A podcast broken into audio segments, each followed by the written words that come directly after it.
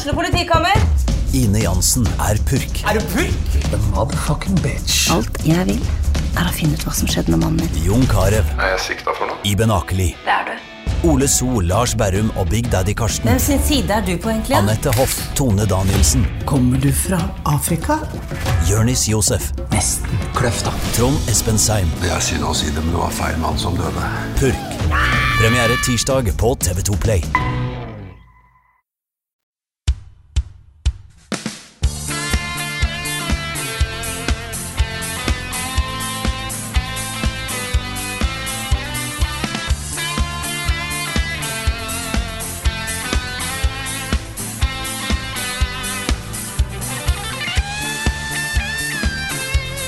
Nå har vi fått oss litt søvn igjen etter våre 24 timer livestream forrige uke.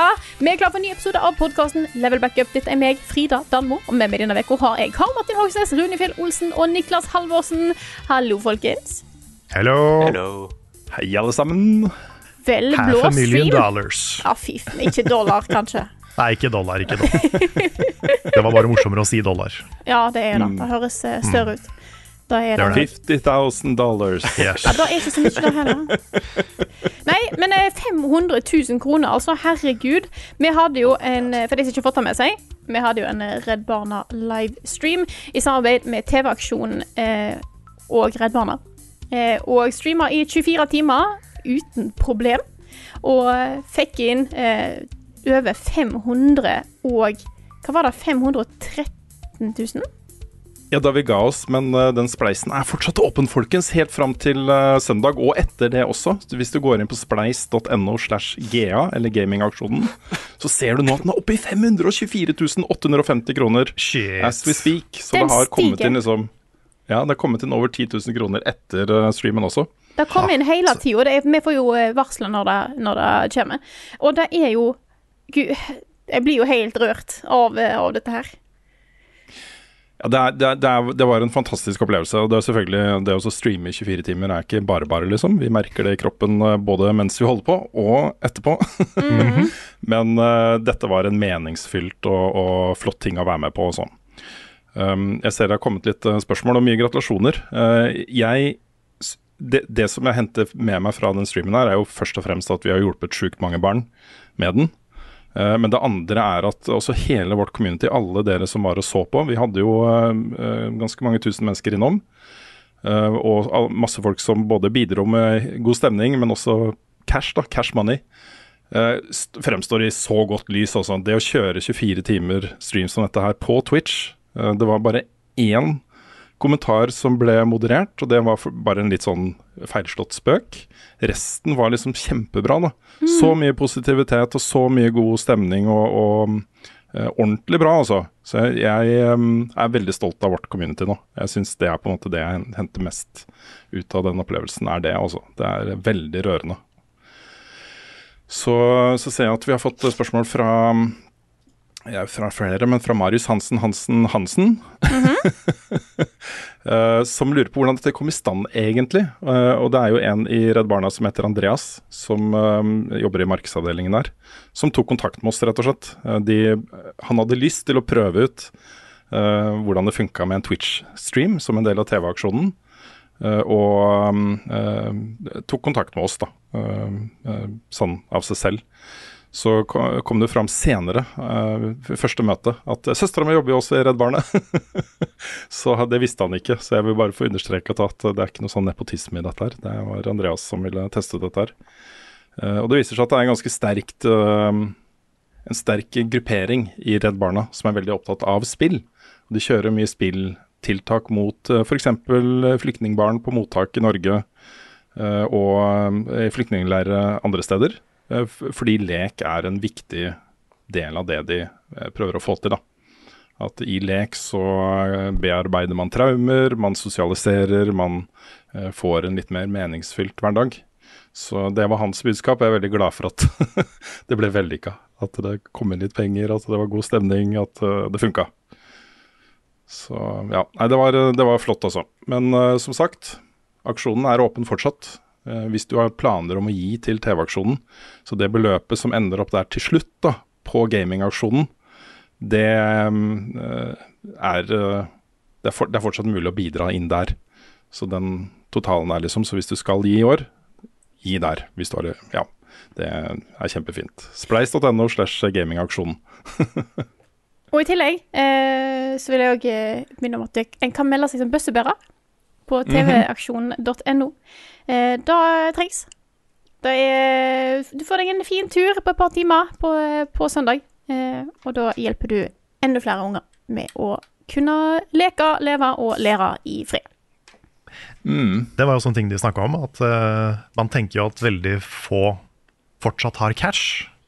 At ingen går rundt med kontanter lenger, liksom. Men de får fortsatt inn vanvittig mye penger fra bøssebærere. Så det er absolutt fortsatt en ting som funker. Ja, det var flere titalls Ja, er millioner, var det ikke det, i kontanter? Ja, det var, det var helt vilt. Nei, Det blir jo en påminnelse om Noen sitter jo og venter på at noen ringer på døra. uh, fordi det er en del en sånn årlig tradisjon, ikke sant. Så nei, jeg skal sp følge spent med på søndag og, og se hvor dette ender opp. Eh, håper at eh, det blir nevnt under TV-sendinga. At eh, hva som skjedde oppe på Hasle uh, på fredag til lørdag. Det hadde vært, hadde vært gøy, det også. Men eh, det viktigste er jo at vi fikk samla inn over en halv million kroner, folkens. Det er eh, ganske sjukt, altså. Det er mye penger. Um, jeg vil også bare nevne før vi kommer i gang uh, ordentlig med podkasten, at i natt så kommer det et spill som vi har gleda oss litt til, opptil flere av oss. Nemlig Super Mario Bros. Wonder. Yes. Jeg ser at det har 93 på Metacritic nå. Så Ja, det er- Det er helt vilt. Jeg har ikke lest noen av anmeldelsene, for jeg tenkte jeg skulle anmelde det sjøl. Ja, jeg har heller ikke lest noen. Men jeg fikk med meg det tallet, og det er jo et helt sånn vilt tall. Ja. Det er vel bare Boulderskate og Tears of the Kingdom som kan konkurrere med det I år i hvert fall, i ja. Mm. ja. ja. Nei, jeg blir ikke noe mindre spent nå også. Så det er mulig at uh, det, det blir en liten uh, prøverun rundt midnatt i natt. Spørs det. også. Spørs det. Tetris, Skyrim, Destiny 2. The Sims, Edderkoppkabal, Destiny 2. Animal Crossing, Pokémon Cola eller Pokémon Pepsi, Destiny 2. Guitar Hero, Kingdom Hearts Bohemian Boogaloo, Destiny 2. Level Ups spilleliste. Hvis det er ett spill jeg har fått med meg at Nick gleder seg til, og har gleda seg lenge til, så er det Spiderman 2. Og nå, Nick, nå har du spilt Spiderman 2, og det vet jeg du og Rune har, så jeg skal ikke liksom ikke, jeg skal ikke neglisjere deg her, men jeg bare vet at eh, dette her er en stor, stor ting for Nick. Det er helt sant. Jeg, jeg har um, Vi fikk det litt sent, da. Uh, det skal sies. Jeg tror vi fikk det sånn over to uker for seint. Ja, nei, ikke helt riktig. En og en halv cirka En og etter en at det ble sendt sendt ut, så kom uh, kode til oss. Men det var en feil, da. Det er jo noe dritt, ikke sant. Vi sitter og venter på kode. og har, uh, begynner å få litt dårlig tid, og så bare sender av gårde mail. Nå er det den koden kommer, egentlig. Og så Nei, den skulle ha blitt sendt ut. Da. Det var bare en feil. Ja, så var det, når, når vi fikk koden, så var det sånn OK, det er, det er litt under en uke, men det skal fortsatt Å ja, vent litt, det er vel det det er stream òg, ja. Aha. Jeg skjønner. Så vi mister på en måte helgen nå, da. Uh, så jeg, eh, jeg ble ferdig med spillet til deg. Jeg bare Det var ikke Jeg, hadde ikke, jeg kunne ikke skrive anmeldelse til da. Så Nei. jeg har et manus klart om å bare voice. Så ble jeg sjuk òg, så, så, så nå er jeg skikkelig Peter Parker-modus, føler jeg. ass. Ja. Og Da er det skikkelig mye motgang her. Men det kommer en anmeldelse. Kan si at jeg liker det kjempegodt. Ja, for jeg, jeg tenkte jo det Altså, jeg vet jo hvor glad du er i Spiderman, og du er mye mer glad i det enn meg. Og jeg likte de to forrige Spiderman-spillene til Insomniac, jeg også. Eh, fantastisk gode spill. Eh, men er, jeg vet at du har et spesielt forhold til Spiderman. Og av liksom alle underholdningsuniverser, så er det vel et av de du liker aller, aller best. Og jeg satt jo sånn da jeg spilte det selv, og jeg oppdaga at fader heller, det her er dritbra. Så tenkte jeg nå koser Nick seg, var på en måte det jeg tenkte da. And you're absolutely right. Sånn, jeg, jeg tok fram urgen og bare, vet du hva, nå skal jeg ikke gjøre noe annet, nå skal jeg bare nyte Spiderman. Eh, Når jeg tar opp ting og sånn, så må jeg ofte gjøre det på PC-monitoren. Men nå bærte jeg hele stasjonære PC-en inn til stua for å spille det på svær TV. Oh. Det gjør jeg med de beste, med de beste spillene på starten. Å, herregud, jeg gjorde faktisk det samme. Å, herregud, den starten, ass. Den er så kul. Og um, den er veldig sånn derre Jeg merker også at uh, jeg, jeg er litt mer glad i måten den gjør Open World, enn det mange andre var. Med at det er masse collectibles og uh, småaktiviteter og ting du kan gjøre og sånn. Og det er mange som ikke helt liker det, fordi det er, mye av det er litt sånn busy work. Bare hjelpe folk ned fra taket og uh, uh, hva, hva- heter det? Uh, det er vannlekkasjer som du må fikse, og du må slukke branner og sånn, men det er jo det Spiderman gjør, ikke sant? Ja, det, det jeg var mest stressa på i forbindelse med dette spillet, er jo at, at nå er det jo to, to Spiderman i denne byen her. Eh, hvordan det kom til å funke. Klarer de på en måte å levere på en måte den samme Altså Det der å stå på hustaket og få liksom beskjed på telefonen om at nå er det noen som trenger hjelp, av deg, liksom, og så ser du hele Manhattan bre seg ut foran deg. Og Det er på en måte du som skal fikse ting her. Det er din jobb er å gjøre det. Eh, og så går du og hjelper folk og, og gjør sånne småoppdrag og sånt og føler at OK, jeg er the friendly neighborhood Spiderman. Det er jeg som er det. Og så klarer de å få til det med to Spiderman. Det syns jeg var en veldig veldig flott eh, ting å oppdage. Altså. For det, det var jeg ikke sikker på om de klarte å få til eh, her. Nei, jeg syns de gjorde en kjempegod jobb, ass. Og de er uh, De føles uh, De føles akkurat ulike nok til at de er forskjellige å spille som. Og så liker jeg at du, kan, de kan møte på hverandre mens du svinger rundt og sånn i den åpne verden. At uh, Av og til kan du plutselig se Miles svinge rundt, eller så møter du på Peter mens du, gjør, mens du ødelegger kriminalitet på Miles. da Og de kommenterer det, og det, er det, det føles veldig levende. da Nei, og så er Ja, det så- Oi, sorry. Nei, eh, ja, eh, og så er det jo i forskjellig alder. Også Miles Morales er jo liksom 17 og er i ferd med å gå ut av high school, mens Peter Parker er eh, midten av 20-åra og, og har lyst på en jobb og, og sånne ting. Eh, og de, du tas ned på landjorda ganske mye her. Også du får møte de eh, som Peter Parker og Miles Morales og deres dagligliv og deres eh, personlige utfordringer og sånne ting. Også Miles som ligger i senga og så stirrer på sånn tomt søknadsdokument for uh, universitetet, mens alle vennene hans har fått liksom uh, stipend på drømmeskolene sine og sånne ting, ikke sant? Og da, du, når du får møte de som personer, altså som Miles og Peter, så, mm, så grunner du opplevelsen på en utrolig flott måte, syns jeg. Så, så det er jo på en måte det, da. Det at du møter menneskene bak maska, liksom, som gjør at alle disse actionopplevelsene også skinner ekstra. da. For du blir involvert i det som skjer på en, en ganske sterk og fin måte. Ja, jeg var redd for at hvis det nå skulle være to Spidermans, at uh, en ting som jeg elska med det forrige, var at de også viste hvor mye det suger å være Peter Parker.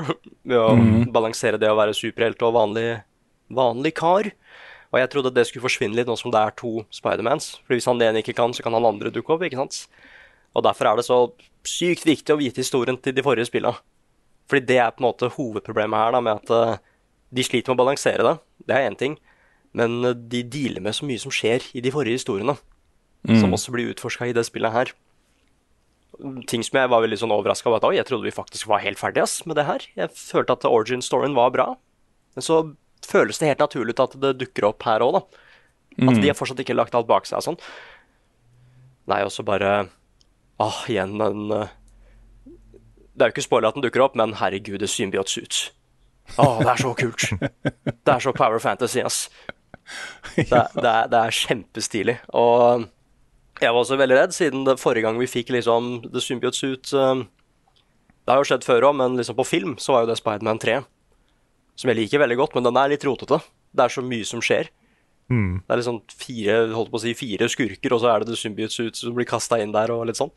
Var det, Eh, var det sånn studio interference, at vi må cramme inn alle disse bad guysa i samme film? Var det ikke noe sånt? Ja, han hadde lyst til å bare fokusere på uh, Husker jeg ikke uh, New Goblin eller et eller annet, og Sandman var liksom det som var. Mest Sandman. Men så Ja. sa de at ja, men tenk på fansen, da. Hæ? Tenk på fansen, da. Tenk. Og du vet, hvis vi kan selge leker òg, hadde ikke det vært litt kult? Ja, må ha Venom. Ja, ha med Venom. Og jeg syns det Måten I filmen så er det bare Oi, der datt det visst en meteor. Å, der er Venom. Ja. Eller sånn, det er sånn det er gjort her. Det bare detter ned, og bare blepp. Så bare er den i byen, liksom. Mens her er det en eh, jeg, jeg elsker grunnen til hvorfor du symbiote er i det universet her, da. Ja, for det, det satte de jo så vidt opp i det forrige. Mm. Det er kult. Ja, jeg, jeg syns grunnen funker kjempebra. Uh, og det er den mest spennende delen. At uh, han, eh, han Han blir jo litt fæl, ikke sant? Og det skal jo ikke Spiderman være. Nei. Nei, jeg, nei jeg, jeg, jeg koste meg hele veien gjennom. Uh, så it's, it's, a ve it's a very good game. Very good superhero game. Det som, det som ehm, jeg også satt veldig pris på, er de der økte mulighetene til å få litt sånn kul utforsking av byen. Fordi altså bare det å svinge rundt har de naila allerede, liksom. Det å bevege seg rundt i New York på den måten man kunne de to forrige spillene, er jo amazing. Men nå har de jo lagt til både wingsuit, Ja, ja. eller vi vingedrakt, som det heter på norsk, og en sånn derre slingshot, sprettert-funksjon, hvor du kan liksom launche deg ut med superfart og kjempehøyde allerede fra starten av. Og det gjør ganske mye med opplevelsen, altså. Du har en, den der flyten når du beveger deg rundt i byen, har blitt mye bedre, syns jeg. Og det er også så gøy, altså. eh, Den derre utforsking av byen på den måten. Det er kult, for det var allerede dritbra i det første. Ja, ja, Oh yes. Ja, og bare jeg, jeg, jeg, kan, jeg kan se den med at eh, hvis du bare ser gameplay, så ser det veldig likt ut som det første. Det ser bare litt bedre grafisk ut. Men du merker så godt at det kjører på litt bedre hardware. Med at ting går fortere, de kan loade inn ting mye raskere. Og så bare har de lagt til sånne småting som gjør det som allerede var dritbra webswinging, enda bedre. da, Med at du kan f.eks. sette et spindelvev som går rundt hjørnet, sånn at du ikke mister momentum. Og så kan du ta sånne loop Du kan lage loops mens du spinner deg rundt, for å skyte deg selv opp i lufta og sånn. Så det er um, Og igjen, jeg trodde wingsuiten skulle ødelegge, ødelegge litt for å svinge seg rundt, for da kommer jeg bare til å gjøre det hele tiden. Men jeg syns det forbedrer svingingen. Du bare Nå er jeg lenge oppe i lufta, hva skal jeg gjøre? Å ja, jeg bare aktiverer wingsuit. Så kan du fly over de ulike delene, for det er flere New York er større nå. De har åpna med Brooklyn og øh, øhm, Å, herregud, der Spiderman bor. Uh, Queens. ja, og Queens, ja. Så du kan nå dra dit. Eh, Spindelvevet eller fly over brua. Og sånn. Og så Det der fast travel-systemet i det spillet her er noe av det stiligste jeg har sett uh, av fast travel. Også. For du går jo bare ut på kartet også, og så velger du et sted hvor du har lyst til å dra. Og så er det litt sånn Google Earth, zoome inn, og så man zoomer inn, og så plutselig så kommer liksom bare Spiderman inn i bildet svingende. Sånn umiddelbart på det stedet hvor du har valgt, da.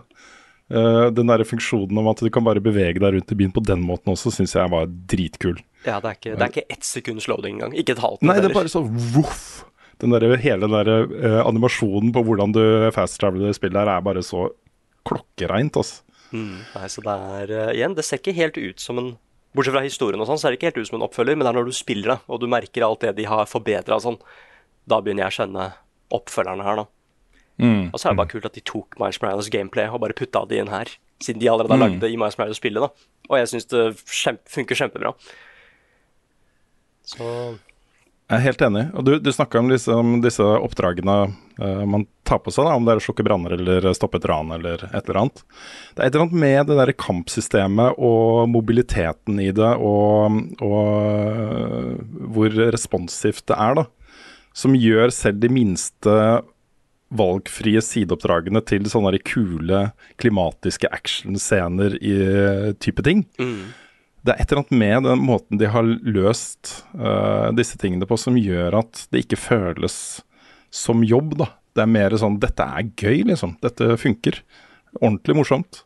Ja, og, og, mye av det tar ikke lang tid heller. Bare at uh, Oi, der skjer det noe kriminalitet. Det tar 20 sekunder å stoppe det.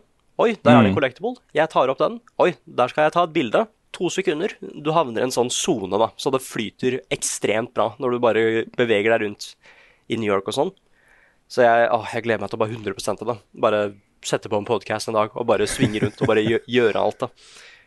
Så det er Nei, så det er en sånn derre Hvis du ikke likte det forrige, så kommer du nok ikke til å like det her heller, fordi de har ikke Det er ikke en svær overhaul, de har bare forbedra på ting. Men hvis du likte det forrige Åh, you're gonna have a good time, altså. Det er nesten sånn går det an å ikke like det forrige? For det, det er på en måte bare sånn tekstbook-bra spill. Ja, jeg, jeg sier oss. Ja. Vi snakka litt om det før, uh, før podkasten også, Carl og, Carl og meg. Eh, det er et eller annet med den derre følelsen av å sette seg ned med dette spillet her, og det er liksom sånn udiskutabelt høy kvalitet. Og så ikke bare håndverk og sånt, men uh, de koser seg sånn med å lage disse spillene. Det er helt opplagt at dette er ikke en lisens de har blitt tvunget til å gjøre noe med, liksom. De har virkelig forstått hvorfor Spiderman er så godt likt da, av folk, og lagd en opplevelse og en historie som jeg mener går filmene eh, en høy gang. da. Dette er eh, Jeg, jeg syns disse tre Spiderman-spillene Jeg verdsetter de mer enn Tom Holland-filmene også. Jeg syns det er fullt på høyde med de to første med uh, Toby Maguire. uh, men jeg syns samtidig da um, at uh, skal man velge liksom én Spiderman-opplevelse fra forskjellige medier som den soleklart beste, så er det for meg da Spider-Verse-filmene. Mm. Og det er den ene tingen som jeg tenker da, at nå har vi fått så mange Spiderman-filmer som har høy kvalitet, med tre forskjellige skuespillere og pluss da animasjonsfilmene og nå tre Spiderman-spill som holder på en måte den samme høye kvaliteten og samme produksjonsverdien og alle disse tingene. Så, så den ene bitte lille tingen som, uh, som uh, trekker bitte litt ned for meg, da For meg er dette et ni av ti-spill. Jeg ga det terningkast fem uh, på NRK. Det er at Spider-Verse har lagt lista for hva man kan gjøre med superhelthistorier så høyt nå at det skal litt til for å komme helt opp dit, da, for min, min del. Mm. Da må jeg spørre om en ting. Ja. fordi slutten på, Jeg skal ikke si hva som skjedde i slutten på det første spillet, men det var for meg en sånn derre Dette er Spiderman. Dette ja. er peak Spiderman. Det er akkurat dette her Spiderman skal handle om. Ja, da var det 120 tier når den dukka opp. Liksom. Ja, ja, for jeg, jeg altså, det, er kanskje, det er mulig det bikka over for meg òg, på, på, den slutten. Er historien like bra nå? Jeg skal si det, altså. ja, du, du, må, du må si det. Eh, jeg har um, Den er litt mer sånn um, Det som var veldig kult med den første, var at alt var jo på en måte nytt, selv om alle vet hva universet er. da. Så du var veldig spent på åssen skal de da gjøre ting med disse karakterene vi har sett før, med sitt egen Insomniac-timeline. Mens mm. det her er litt mer sånn um, det, det, skjer noen skikkelig Det er noen skikkelig nail-biters, og ting er skikkelig emotional sånn her òg. Herregud, han Yuri Loventhal, han er Han er så flink, ass. Han, han må vinne noe Best Actor, eh, et eller annet duppeditt i år, ass. For han er helt rå. Men, men, spillet er mer et sånn De fokuserer litt mer på spectacle i det spillet her. Ja, ok. Uh, så det er noen deler som kan nå dit, men det nådde ikke helt opp for meg med den måten slutten var på det første. Fordi slutten på, slutten på det første var litt sånn Jeg ble sjokkert over hvor emotional det var. Mm. Og hvor mm. mye det bare Ja, hvor mye Spiderman det var, da. Mm. Uh, og det er vanskelig å skape det på nytt igjen, Fordi nå er vi allerede godt kjent med karakterene og sånn. Men det er, det er, det er noen øyeblikk der som er i, i, den ligaen. Men det var ikke noe der som helt klarte å matche den slutten for meg. Det var det ikke. Men det, var så, det er så mye som var bra òg, sånn som uh, uh, Dr. Octopus-versjonen, mm. som var i det første, var utrolig bra. Det er nesten det overgår film Dr. Octopus, liksom. Ja. Så uh, det, det, er det jeg håper å få i det her òg. At, liksom, at, det skal være like bra bad guys, like bra stakes. da like, like, mye følelser og like mye sånn En like god historie. Mm. Jeg, jeg, er, jeg likte Craven Craven the Hunter er den store liksom, bad guyen her. Men jeg syns samtidig at um,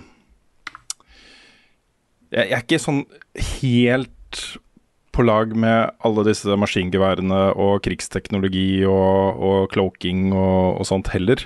Det er, det er, gøy, og det funker, og det er en kul skurk og alle disse tingene. Men, um, men um, ja. Jeg, jeg, jeg, syns Jeg er ikke noen ekspert, da, men jeg syns Spiderman-universet har hatt bedre skurker før, da. Mm. Uh, som uh, Ja. Nå vet jeg at Craven skal bli egen film og greier, det også, så det, det skjer jo ting med den rollefiguren. Mm. Um, men det, det blir jo litt som også Nå har jo både Miles Morales og Peter Parker fått sin origin-historie. Det skal litt til å overgå de, da.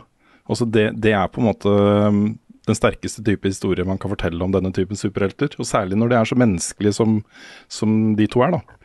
Så, så, litt sånn Matrix, når Nio har blitt Nio, så, så hvor går man derfra, på en måte? Um, men jeg syns, de, jeg syns de, får det til også. Det er ikke like, like følelsesmessig impact, men uh, det er fortsatt veldig bra, da. Ja, og jeg, jeg tror det er veldig sånn subjektivt med at jeg tror det er noen som kan finne øyeblikk i det spillet her som de syns er enda mer powerful enn måten spill nummer én slutta på. Men det kommer veldig an på hva du vil ha av den uh, Hva du vil ha av den symbiot-historien, er vel egentlig det viktigste. Fordi mm. selv om Craven er på en måte hovedskurken, han som setter i gang ting og sånn, så handler nesten alt om den symbiot-greia. Mm. Så det, det, kommer veldig an på hva du vil ha fra denne historien. Og hvis du, da, hvis du føler at du får det, da er det noen øyeblikk her som kan være like bra, og kanskje til og med slå den slutten av det første. Mm. Så jeg kan liksom ikke garantert si at nei, vet du hva, slutt om det først, altså. Det var ikke noe som slo det. Du må Ja, det kommer helt an på hva du har fra denne historien. Men det er fortsatt kjempebra. Dette er så lett å anbefale for folk hvis du er glad i actionspill og glad i Spiderman og glad i, eh, i store sånne spectacle-baserte spillopplevelser. eh, Som er bare svære og kule og morsomme og vellagde og flyter bra og, og sånn. Så, så er det er så innmari lett å anbefale Spiderman 2 til folk, syns jeg. Og det er jo litt morsomt, da. Mm. Jeg har et uh, viktig spørsmål til. Ok. Hvordan gikk det med ansiktet til Peter Parker? ah, herregud, jeg har faktisk Jeg har en sånn derre Jeg skrev litt av manuset før vi fikk spillet. Bare på sånne ting som jeg vet jeg kan skrive om først. Bare da jeg anmeldte Spiderman og dupti-dupti-du, dette håper jeg skal dukke opp av alt det her. Ja, jeg snakka litt om det. Og jeg har en del hvor det sto sånn Hvis jeg får tid, kanskje jeg skal rante litt om hva jeg ikke likte med det nye ansiktet. altså, han sånn derre Han sånn Nå skal dere høre. Um, jeg syns det er ganske mye bedre her. Okay. Fordi bare pga. den enkle greia at de har gjort han litt eldre. Han ser nå eldre ut. Han ser ikke nå yngre ut enn Miles. Um, men et eh, lite problem er at de har um, I det første spillet så lyssatte de alle scenene selv. Mens nå går de 100 for race tracing og naturlig lys. Så karakterene ser litt annerledes ut designmessig. Så selv om, Ja. Selv om Mary Jane teknisk sett har det samme ansiktet, så ser hun litt annerledes ut i det spillet her. Ja, hun gjør det. Ja, Mm. og igjen det er fordi hun har blitt Det er jo age, hun har blitt eldre hun òg, liksom. Um, og det er bare lengre hår. Men det er noe Det er noe med grafikken som gjør at byen ser bedre ut, men karakterene ser litt annerledes ut. Jeg syns, jeg ikke de ser dårlige ut, men det er litt rart. Ja, for jeg har sett den eh, launch-traileren et par ganger. Mm. Um, og jeg syns Miles ser veldig kul ut. Han føler jeg de er naila, liksom. Men Peter og MJ ser litt rare ut for meg. altså. Ja, de, de er litt sånn De er litt glatte, hvis jeg skal si det. Ja, de er litt, litt glatte og litt sånn plastikk. Ja, de er det. Um, det er heldigvis bare noen uheldige scener. Da. Det er noen scener som det ser kjempebra ut, men det er Ja, okay. spesielt når de er utendørs og sånn. Da ser det litt rart ut, fordi da har de dette naturlige lyset, da. Mm. Eller det, det er feil å si at det ser rart ut, det ser bare annerledes ut. Jeg er ikke helt vant til det, siden jeg ble så vant til stilen i det første. Men ans jeg har fortsatt et problem med ansiktet, da, det skal sies, men det er mye bedre nå enn det det var i de forrige. Det, det, it, it looks the part denne gangen. Ah, okay, Men, men igjen, jeg ble Det er som at de skulle liksom bytte ansiktet til Tyrion Lannister ikke sant, i Game of Thrones, men så har de fortsatt den samme voice-actoren. ikke sant? Det kommer alltid til å være litt rart. Men ikke, ikke helt krise som det det, som det det var da, da det først dukka opp. Det er ikke rart for meg. Jeg har ikke ofra ansiktet til Peter Parker en tanke på tre spill. Det er det verste. Jeg, jeg hører også broren min, Patrick, sånn, han, han spilte jo remasteren først, så han skjønner ikke hva greia er. Bare nei, jeg, jeg syns faktisk det, det nye ansiktet er bedre. Jeg syns ikke det gamle var noe særlig. Bare nei, men du, du, du ble ikke forelska i det gamle? De, den, den legendariske slutten skjedde med det gamle ansiktet. Går snart. Ja, gjorde det, altså. Ja, ja, ja. Men, men jeg, er, jeg er enig med deg, Nick. Jeg likte det første ansiktet bedre. Han bare, han, han bare så så Han så så mye eldre ut enn det han egentlig var, fordi stresset fra Spiderman hadde gjort han gammel, ikke sant? Og så så han sliten ut, og jeg syns han, han Men jeg syns også han var kjekkere før han fikk det nye ansiktet. Ja, jeg, jeg, jeg syns han var kjekkere med at han Han så både ut som en helt vanlig karakter En vanlig person, men som også var litt småsjekk. Men her føler jeg at han bare ser nok en gang ut som en litt sånn ung Peter Parker. Så det, det, var, litt, det var litt mer unikt, det forrige ansiktet. Uh, men nei, jeg skal, skal, ikke si noe mer. Uh, det, kanskje det kommer en rant. Jeg vet ikke, altså. Ha. Har du lyst til å gi en, eh, en ETA på, på videoen din, Nick? Ah, det, det er sånn, jeg, jeg tenkte liksom hvis, Bare så lenge jeg får anmeldelsen ut før spillet blir lansert, så er det bankers, men så blir jeg sjuk. Så, jeg, så jeg, jeg, jeg klarer ikke å voice akkurat nå. Um, Ja, det skjønner jeg jo. men, men alt av manus er liksom jeg, har- jeg har bestemt meg for hva jeg skal gi det og sånn. Alt er bestemt. Jeg må bare voice det og klippe det. Det er egentlig den store greia. Du kan lære opp en, eh, en AI til å ha din stemme, og så kan du bare skrive inn tekst. Det er sant. Ja. Det hadde vært gøy å gjort det én gang, bare for å se hva som skjer. Men da må spillet handle om det òg, da. Uh, siste ting. Ja. Ikke at jeg skal gjøre det, da. Uh, hadde det vært supersmålig å liksom uh, gått ett poeng ned fordi du ikke liker ansiktet til noen i et spill, eller er det liksom Ja, når du kan gå ned fire poeng fordi du syns historien er dårlig, så, oh, så er det jo greit. Oh my God. Jeg, jeg, jeg skal ikke gjøre det, men en del av meg var sånn Wow, hvis jeg fortsatt ikke liker det ansiktet her nå, Mm. hva gjør jeg egentlig da? For jeg kommer alltid til å bli litt dratt ut av det, ikke sant? Det kom, Litt sånn Uncanny Valley-greia. Det skjedde ikke, da. Men, men en del av meg var sånn Ja, kan man da ta Det blir en veldig rar trekk, men det er faktisk et poeng her, da, føler jeg. Mm. Og hvis de bytta ut Ellie med et helt annet ansikt? Ja. Du, du kan jo trekke hvis liksom ansikter er distraherende dårlig animert, f.eks. Ja. Og det er en hvis, eh, subjektiv, eh, subjektiv anmeldelse, så hvis det påvirker Mm. deg, så er det jo din opplevelse en anmeldelse skal eh, inneholde. Problemet er at jeg er Mm. litt redd for at det kommer til å bli vår sånn too much water-greie. At det bare Ansiktet var ikke bra nok, ass. Men tingen er, jeg vet at Too Much Water er en sånn meme. Jeg, jeg, Eh, jeg syns synd på ass. Ja, for de, de som ikke vet hvor det kommer fra, det er jo IGN sin anmeldelse av Pokémon generasjon 3. Men tingen er, jeg er jo enig med henne. Ja, hun har helt rett. Det er jo altfor mye vann i de spillene. Det er, sånn, Det er helt fa- riktig. favorittgenerasjonen min, men det er altfor mye vann. Altfor mye vann. ja. Så hvorfor, hvorfor blir hun mobba for noe som er helt riktig? Fordi det var, det var, var den derre åtte av ti hver gang. er for mye vann. Ja. og så ser bare folk den scoren uten å lese anmeldelsen, liksom. Mm. Det er liksom, ja, du går inn i Spiderman, så bare Ja, for lite ansikt. For dårlig ansikt. Så, nei, så jeg kan ikke si helt uh, når, og det skjer, det skjer så mye nå, men jeg skal klippe og voice så fort som mulig. Mm. Det skal jeg. Nå kan jeg lage den beste anmeldelsen enn å være først, holdt jeg på å si. Ja, det er kult. Min anmeldelse ligger ute på, på nrk.no. Eh, det ble terningkast fem, da, det nevnte jeg kanskje. Men eh, jeg ville jeg ville gitt det ni av ti. Det er et så bra spill også. Men er ikke ni av ti en sekser, da? Eller er det Nei, jeg syns sekseren skal ligge enda litt høyere. Jeg setter den på liksom 9,5 av 10. Det er litt større, større eh, spennvidde der enn på 10 av 10, men den bør henge høyt, altså. Den bør henge skikkelig høyt, og det, det er nesten det samme. Eh, jeg, jeg tenker at for, på et normalt år da, så vil det kanskje være ett til to 10 av 10-spill for meg personlig. Mens det kanskje vil være tre til fire terningkast seks-spill. Men vil du da si at det er mulig å få en svak terningkast seks? Nei. Ok, greit. For jeg er litt der at du kan få en svak terningkast seks og en dritsterk en, men du får bare en Ja. sterk ti av ti. Fordi da er det spredd akkurat ut nok til at eh, det er mulig at en ni av ti er skikkelig bra. Og det gapet fra ni av ti til ti av ti er så svært, så når du da får en tier, så er det ganske Så er det, så er det en big deal. Men med den logikken der så har jeg kanskje Starfield et for høyt terningkast. Jeg tenker meg helt om. Men eh, altså, da, da skal jeg gjøre det som du sa nå, og ta en 9,5. Kanskje det er egentlig er litt mer lurt. Jeg tok bare 2, Ja, 4, er- 6, 8, 10. Det er sånn jeg gjorde det. Ja, ikke sant. Ja, jeg, for, for meg, da, dette blir en litt digresjon, men for meg terningkast 1 er 1 av 10. Ja. Altså 1 av 10, mens terningkast 6 er liksom nesten 10 av 10, men det er litt. Også de som er de beste femmerne, liksom, terningkast 5. uh, de beste nierne, mener jeg, kan også få en terningkast 6. Ja, ok. Eh, men ellers er det to og to på de andre, da. Altså så eh, to til tre er terningkast to. eh, Fire til fem er terningkast tre. eh, Seks til sju terningkast fire. Åtte til ni terningkast fem, og så da ti av ti terningkast seks. Sånn cirka. Ish. Da var du lurere enn meg. Jeg gjorde det bare enkelt. Bare, 2, 4, 6, 8, 10. Det er sånn, det er sånn jeg gjør det. Mm. Nei, det, er litt, det er litt fordi jeg mener at det som er mest ræva, er jo ganske spissa. Mm. Det som er liksom ener, enten én av, en- en av ti eller terningkast én, det er så unikt. Og det samme gjelder toppen, da.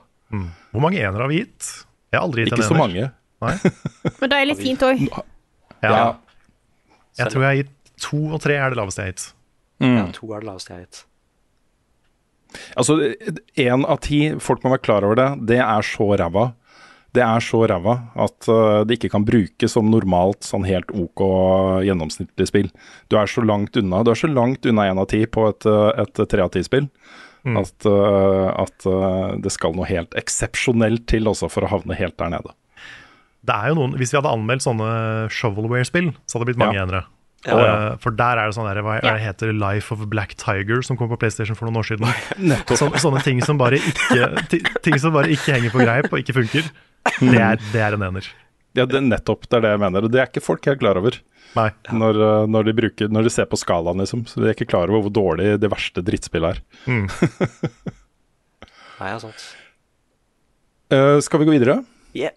Ja, Um, jeg bare nevner kjapt at, uh, at uh, nå har jeg også fått Umbral Ending i uh, Lords of the Fallen. oi, oi, oi. Og det var litt av en opplevelse, folkens. Da må du drepe MPC-er og tjo og hei. Du får en helt annen slutt, og en helt, uh, helt annen boss. Siste boss. Det er, uh, var ordentlig gøy, altså. Så ja. Du verden. Jeg kan jo apropos det si at jeg har begynt.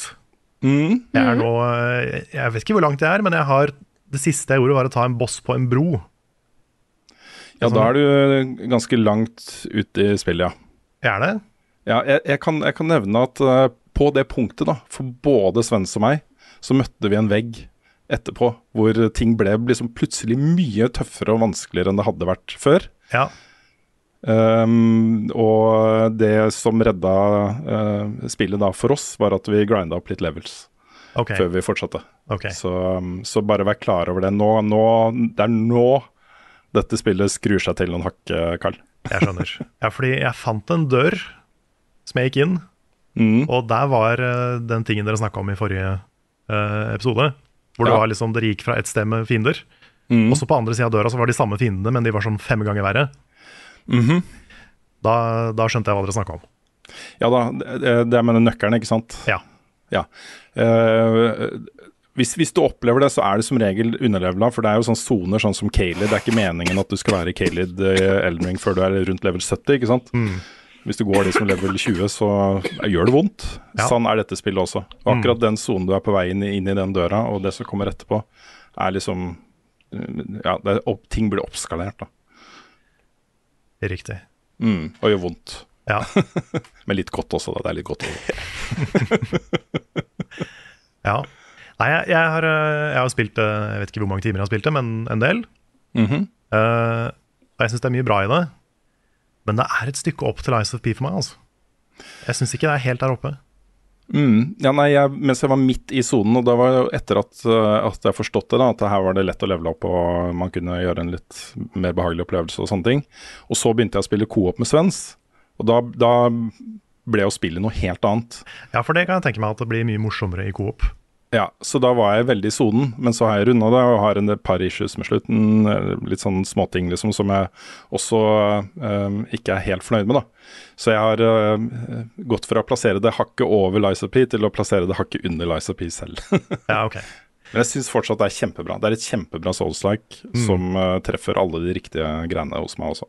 Ja, jeg synes Stemningsmessig er det veldig bra. Mm. Uh, altså Omgivelser og leveldesign og sånn er kjempebra. Eh, jeg, har, jeg har litt issues med en del sånne uh, mekanikkting.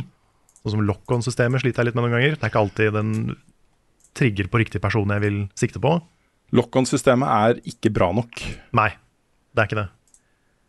Um, og så syns jeg vanskelighetskurven er all over the place. Og det er litt, litt sånn frustrerende. Veldig mye Mm. sånne møljer av fiender og veldig mye Det går fra å være kjempelett til å være kjempevanskelig til å være kjempelett Mm. igjen. At det, det har ikke den der, Jeg føler ikke det har den derre det, det har ikke det der tighte designet som, som de spillene her på sitt beste har. da Mm. men, eh, men jeg spiller det fortsatt. Jeg har ikke, har ikke planer om å gi meg. Det vil si, nå kommer jo Mario Wonder i natt, så det kan hende det blir en pause. Men, eh, men jeg syns det er bra. Det har veldig mye du bra på- i seg. Spiller du på PC eller PlayStation, eh, Karl? PlayStation. PlayStation, ok. Du får si ifra hvis du um, har lyst på litt co-op uh, der, for jeg har, jeg har en, uh, en uh, høylevel uh, PC-character. Ja, nice. nice. Mm. Det, hvis jeg får eh, litt hjelp fra Dr. Deng, så kanskje det går bedre. ja, vet du hva, jeg blir gjerne med en, en runde, altså, fordi jeg tror du hadde satt pris på det. Det, Ja. hadde, det er kjempemorsomt. Nice. Kan man være tre? Kunne jeg hatt med Svensson? Kan bare være to. Kan bare være to. Ok. Ja ja, men det funker, det òg. Er litt komplisert med crossplay um, co-op. Altså, det er ikke komplisert, men vi fikk det ikke til å funke. Du må legge inn passord, og så må du Jeg vet ikke helt. Vi, jeg prøvde å calle inn Svens, men det gikk ikke. Men det er mulig vi har, Det var noe annet som var feil, da. Men uh, jeg er også en PlayStation character, så Så bli gjerne med, Carl. Ja, kult. Kult, kult. Mm, Da skal jeg plukke det opp igjen eh, om ikke så lenge. kult. Men jeg har, eh, jeg har spilt en ting til. Mhm. Fordi eh, jeg fikk endelig svar på eh, i går, eller i forgårs var det jeg fikk svar på hva som skjer hvis Sega lager et 2D Sonic-spill som nesten er bra. Oh, ja. Og det, var, eh, det, er ikke, det er ikke Sonic Mania, kan jeg si med en gang. Det var Det er, det er flere hakk under Sonic Mania. Men det har, liksom, det har mange gode ideer. Og mange ideer de ikke burde hatt. Som og det alltid. har um, mhm. uh, Jeg syns visuelt er det kjempefint. Du merker at dette spillet er laga med kjærlighet, liksom, for uh, retro Sonic og for, uh, for the good old days. Jeg synes Det ser kjempebra ut. Det er et, eh, i hvert fall i starten et veldig bra level-design. Med fokus på liksom hastighet og kule, eh, kule gimmicker og sånn. Og så spiller man det litt mer, og så blir level-designet gradvis merkbart dårligere. Nei. Og så kommer man til bossene, spesielt de bossene som er i andre halvdel av spillet. Og det har aldri vært så dårlige bosser i Sonic. Å nei.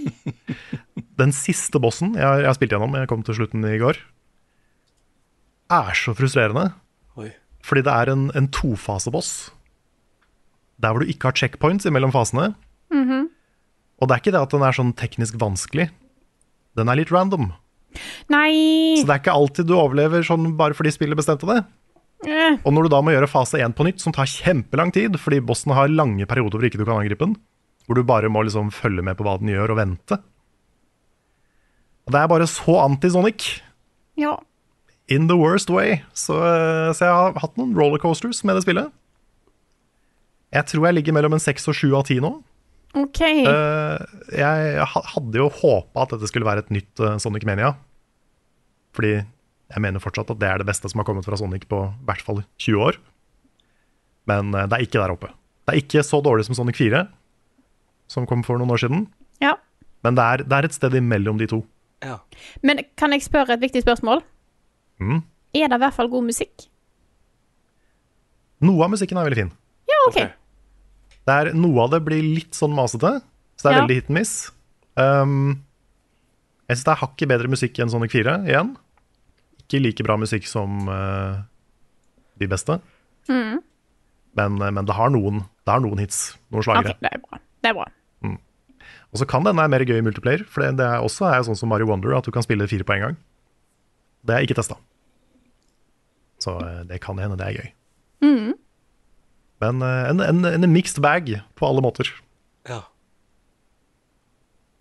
Jeg eh, har tenkt å teste det, men eh, nå er jeg eh, Det blir nok ikke det jeg prioriterer øverst, høres det ut som. Nei, Spiderman. Ja, jeg må spille det òg, ikke sant? Det er, det er for mange spill nå. Skal jeg fortsette litt? Ja, kjør på. Jeg eh, fikk jo spilt eh, Jeg var vel den som fikk spilt ett spill lengst på streamen forrige uke. Uten tvil. Mm, for jeg satte meg jo ned med Planet of Lana, endelig. Eh, og det som jeg syns var, eh, det var Så det var veldig kjekt å få gjort det på stream, og bare på en måte fått gjort det eh, og vist det litt. Eh, vist det litt fram på den måten òg, for det er jo et utrolig vakkert spill. Eh, og med veldig mye kule mekanikker. Så jeg eh, koste meg med Planet of Lana. Jeg er ikke sjokkert over å høre det i det hele tatt, egentlig. Eh, eller jeg hører det, og finner ut av det. Eh, så jeg eh, gleder meg til å fortsette. Jeg tenker kanskje å streame slutten.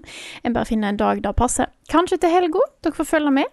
Jeg er veldig glad for at du fikk spilt Planet of Lana, eh, Frida. Og dette er jo sånn spill som jeg mener så mange som mulig i redaksjonen bør spille. Dette er et uh, høydepunkt for meg også, i spillåret 2023. Et helt nydelig spill med en flott historie. Jeg gleder meg til å se uh, hva du syns om slutten der. Fordi den gjør ting. Det skjer ting, Frida, Oh. som uh, liksom får sci-fi-hjertet mitt til å banke litt ekstra hardt, ikke sant.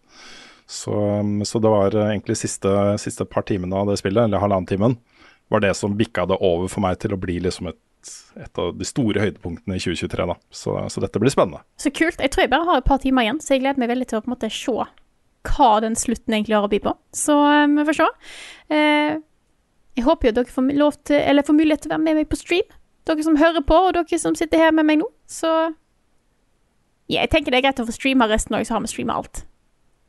Det blir et total package. Yeah. Har dere prøvd vann fra springen? Jeg har sett en ny TV-serie ja, nå, vet du. Dette albumet må dere høre. TV-spill er ganske stas. Det er en serie som foregår in space. YouTube.com Der er en kul nettside. Level Ups anbefaling. I dag har vi et godt knippe med anbefalinger på lur til dere, men vi starter med et spørsmål fra Truls Nordby, som skriver Nick, hva syns du om Fall of House of Usher? Og vi kan nevne at Nick Ja. han, har, eh, han eh, måtte ta en eh, pause for resten av podkasten. Han er ikke helt i form, stakkar, eh, så det var veldig kjekt han kunne komme her og snakke litt om Spiderman. Ja, det var viktigere enn en House Usher. Ja. Mm. Men du. Rune, har sett The Fall of House Usher. Ja, og Carl. Vi Og har Carl. sett det begge to. Vi har Yes. sett like mye. Vi har sett de to første episodene begge to. Stemmer. Ok. Eh, og så må jeg nevne da at, at før Nick stakk, så sa han at han liker den serien veldig godt. og dette er jo det nye til, eh, til Mike Flanagan, som har blitt en ganske stor favoritt hos meg nå. Også. Når han kommer med nye greier, så er jeg veldig sånn OK, dette skal jeg se. Eh, han er litt sånn skrekk-serienes eh, Judd Apatow. Litt sånn han samler gjengen sin. Det er mye av de samme skuespillerne som går igjen, og flere av de som er med her, kjenner man jo fra de andre tingene han har lagd.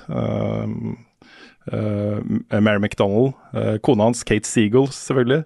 Uh, Carla Gugino, Gugino, jeg er litt usikker hvordan man uttaler etter, etternavnet. Rahul Kohli, som vi så i, i denne vampyrserien hans. Og Zack Gilford, som vi også så, så der. Pluss et par nye, da. Veldig, veldig gode um, inkluderinger. Mark Hamill. Mark Hamill er der. Fy fader, altså. I en utrolig god sånn der tilbakelent, skikkelig creepy advokatrolle. Ja, Det er utrolig morsomt at han liksom etter å ha spilt Luke Skywalker, har hatt så mange sånne creep-roller. Yes! Han er strålende her, og ikke minst også da Bruce Greenwood eh, i hovedrollen som Roderick Usher, overhodet for denne familien her. Eh, veldig bra cast. Og dette her er jo på en måte horrorversjonen av Succession. Det er litt sånn OK, hva om vi gjør Succession til en litt sånn der Lovecraftian horror eh, drittserie med mye kjipe greier, liksom? Ja, eller Edgar Allan Poe-en. Ja, Ja. Poe er mer Ja, det er helt riktig. Um, og jeg må jo nevne da at det starter veldig sånn slow, rolig. Bygger seg opp over ganske lang tid, før det da Altså, jeg har sett rundt på nettet også, slutten av episode to er på en måte start Det er egentlig startskuddet for eh, hvor jævlig den serien her kan bli, da. Så nei, jeg likte det kjempegodt. Hva syns du, Karl? Jeg også liker den kjempegodt. Jeg er uh, veldig intrigued av de to første episodene. Mm. Uh, det er jo ikke en serie jeg vanligvis kanskje hadde turt å se på. Nei. Den er litt så skummel for meg, egentlig. Jeg sleit jo, jeg begynte jo på Hill House, og bare så fort de begynte å snakke om The Bent Neck Lady, så bare nei. Nå Og den tror jeg, serien er akkurat på grensa for meg òg. tror jeg vi står over den, så jeg har ikke Ja. sett den ferdig. Men, eh, men jeg begynte på den her, og jeg ser den sammen med kjæresten. Og eh, hun sitter ved siden av meg og sier sånn her Det er ikke på ordentlig. Og jeg bare Nei, men det er ikke derfor det, er ikke derfor det er skummelt. men, eh, men, men det går akkurat når jeg, når jeg sitter og ser sammen med noen, så går det litt bedre. Mm. Men den er, den er skummel, men den er veldig, også veldig spennende. Så det er derfor jeg vil se den ferdig. Ja, altså de koser seg med, med sjangeren her også. Uh, og eh, ja, nei, jeg har blitt veldig glad i den. Det er et eller annet med sånne karakterdrevne skrekkfortellinger. Hvor, eh, hvor man blir ordentlig godt kjent med de før ting begynner å gå til helvete. Som, som funker bare så bra på meg. Mm. Det, er, det er mesterlig, altså. Så jeg vil også anbefale å følge både Kate Seagull og Mike Flanagan på sosiale medier.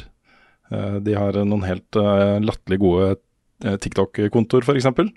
Hvor de koser seg skikkelig. da. Det er ordentlig gøy. Dette er nede på jorda-folk, altså. Dette er ikke noen sånne der feterte stjernefolk. De er veldig jordnære og morsomme og eh, kule folk. Så, så dette er en gjeng jeg har blitt glad i, rett og slett.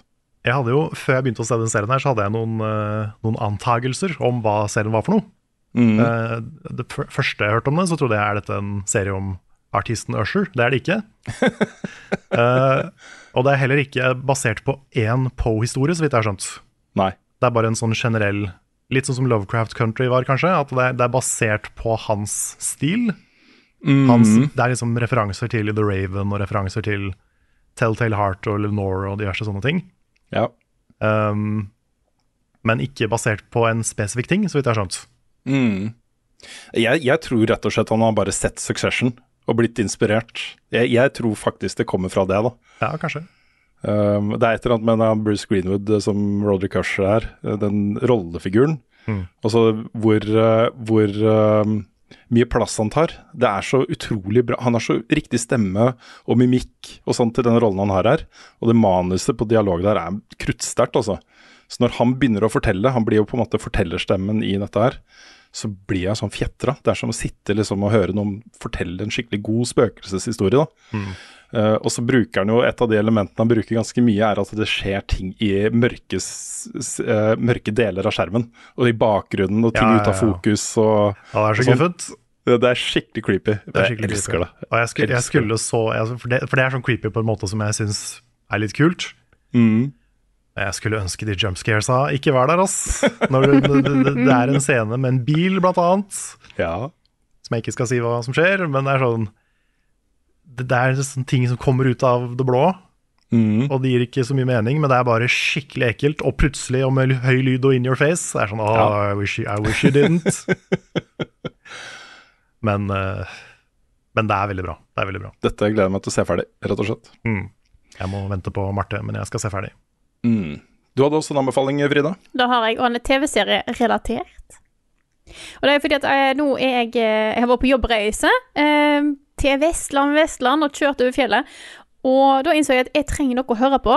Nå har jeg nettopp hørt ferdig, for jeg har begynt med lydbøker nå. Jeg har nettopp hørt ferdig American Prometheus.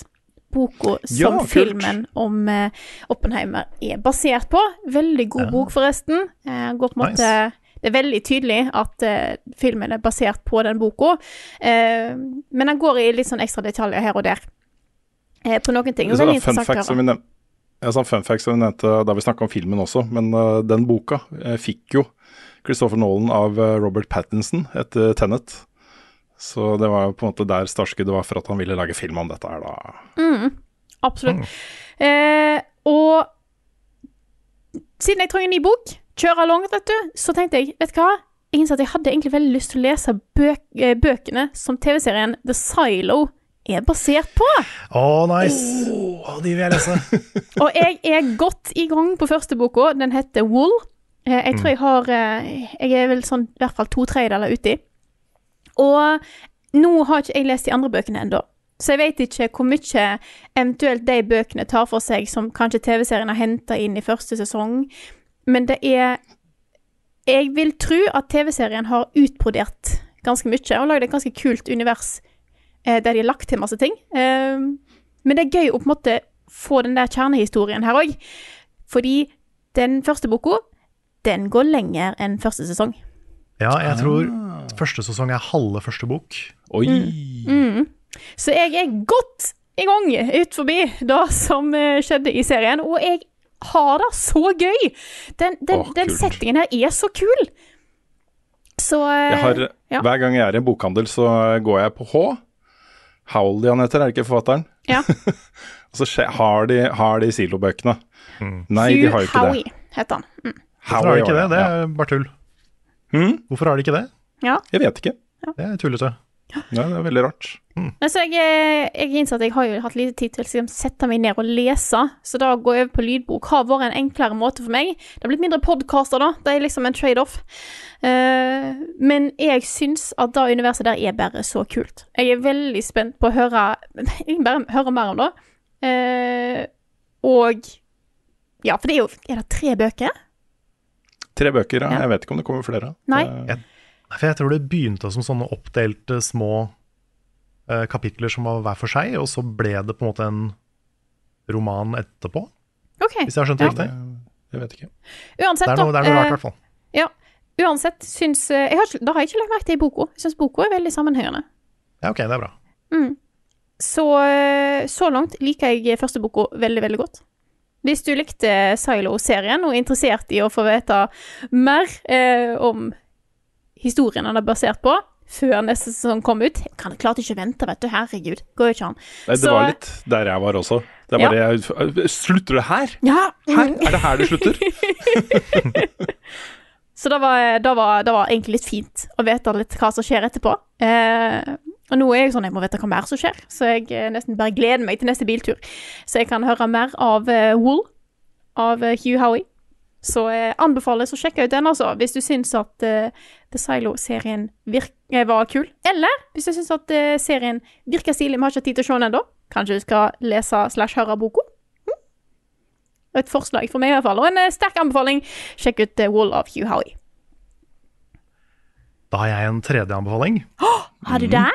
Det har jeg. Uh, litt basert på at jeg var, jeg var en tur hos legen i går og satt på bussen hjem med da ørepropper og så på YouTube etter noe å høre på. Eh, og så bare fikk jeg opp i Suggested en eh, orkesterversjon av Outer Wilds-themet, som jeg ikke hadde hørt før. Ja. Og jeg tenkte liksom ah, det themet er kjempefint, det kan jeg sette på. Og så gikk det noen sekunder, og så måtte jeg bruke all energien jeg hadde på å ikke begynne å sippe på bussen. For det var så nydelig.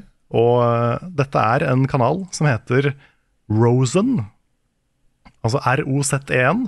Frozen minus F.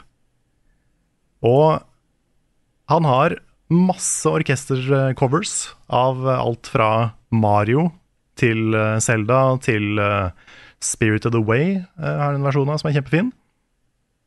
Um, litt Final Fantasy, litt Kingdom Hearts. Uh, veldig mye forskjellig. Og det er så høyt nivå på, eh, på musikken. Så sjekk ut eh, Rosen på YouTube.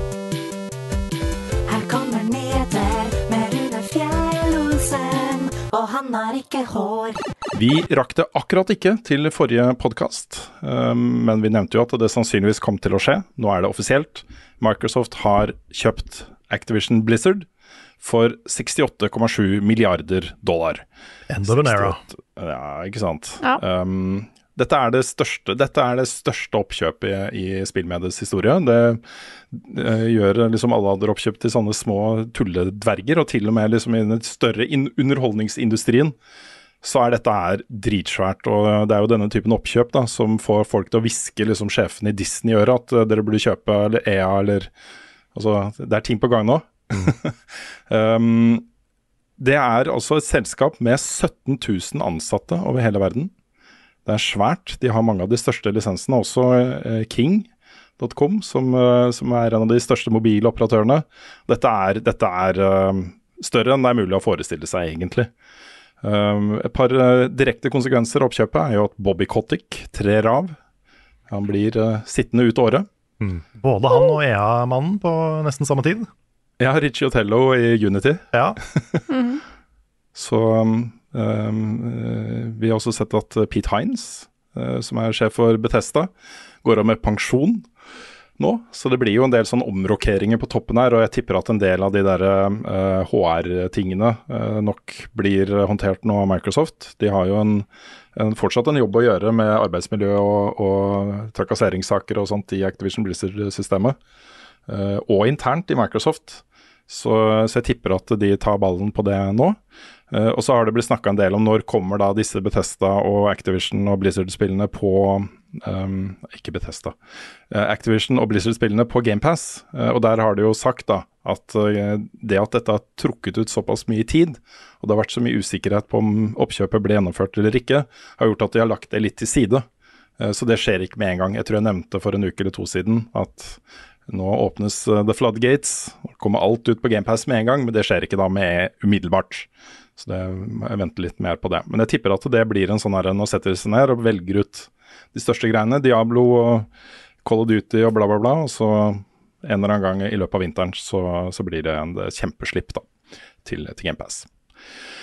Det er jo ikke en udelt positiv ting, dette her. Det fins uh, mange argumenter på at den type uh, oppsamling av uh, penger og makt ikke bare er bra for spillmediet.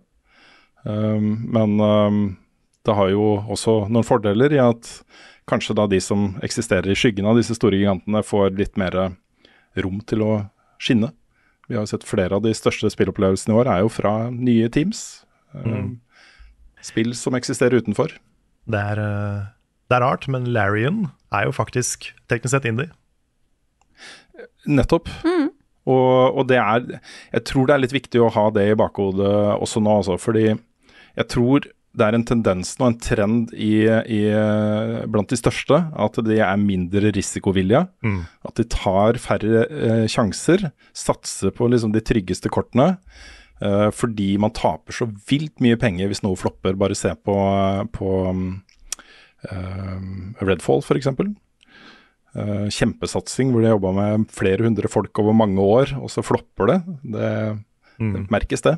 Sammen med Forspoken. Ikke sant? Så, så vi vil nok se, tror jeg, den, ty den type oppsamling av makt vil nok eh, bety mindre innovasjon hos de største, men mer innovasjon hos de som konkurrerer.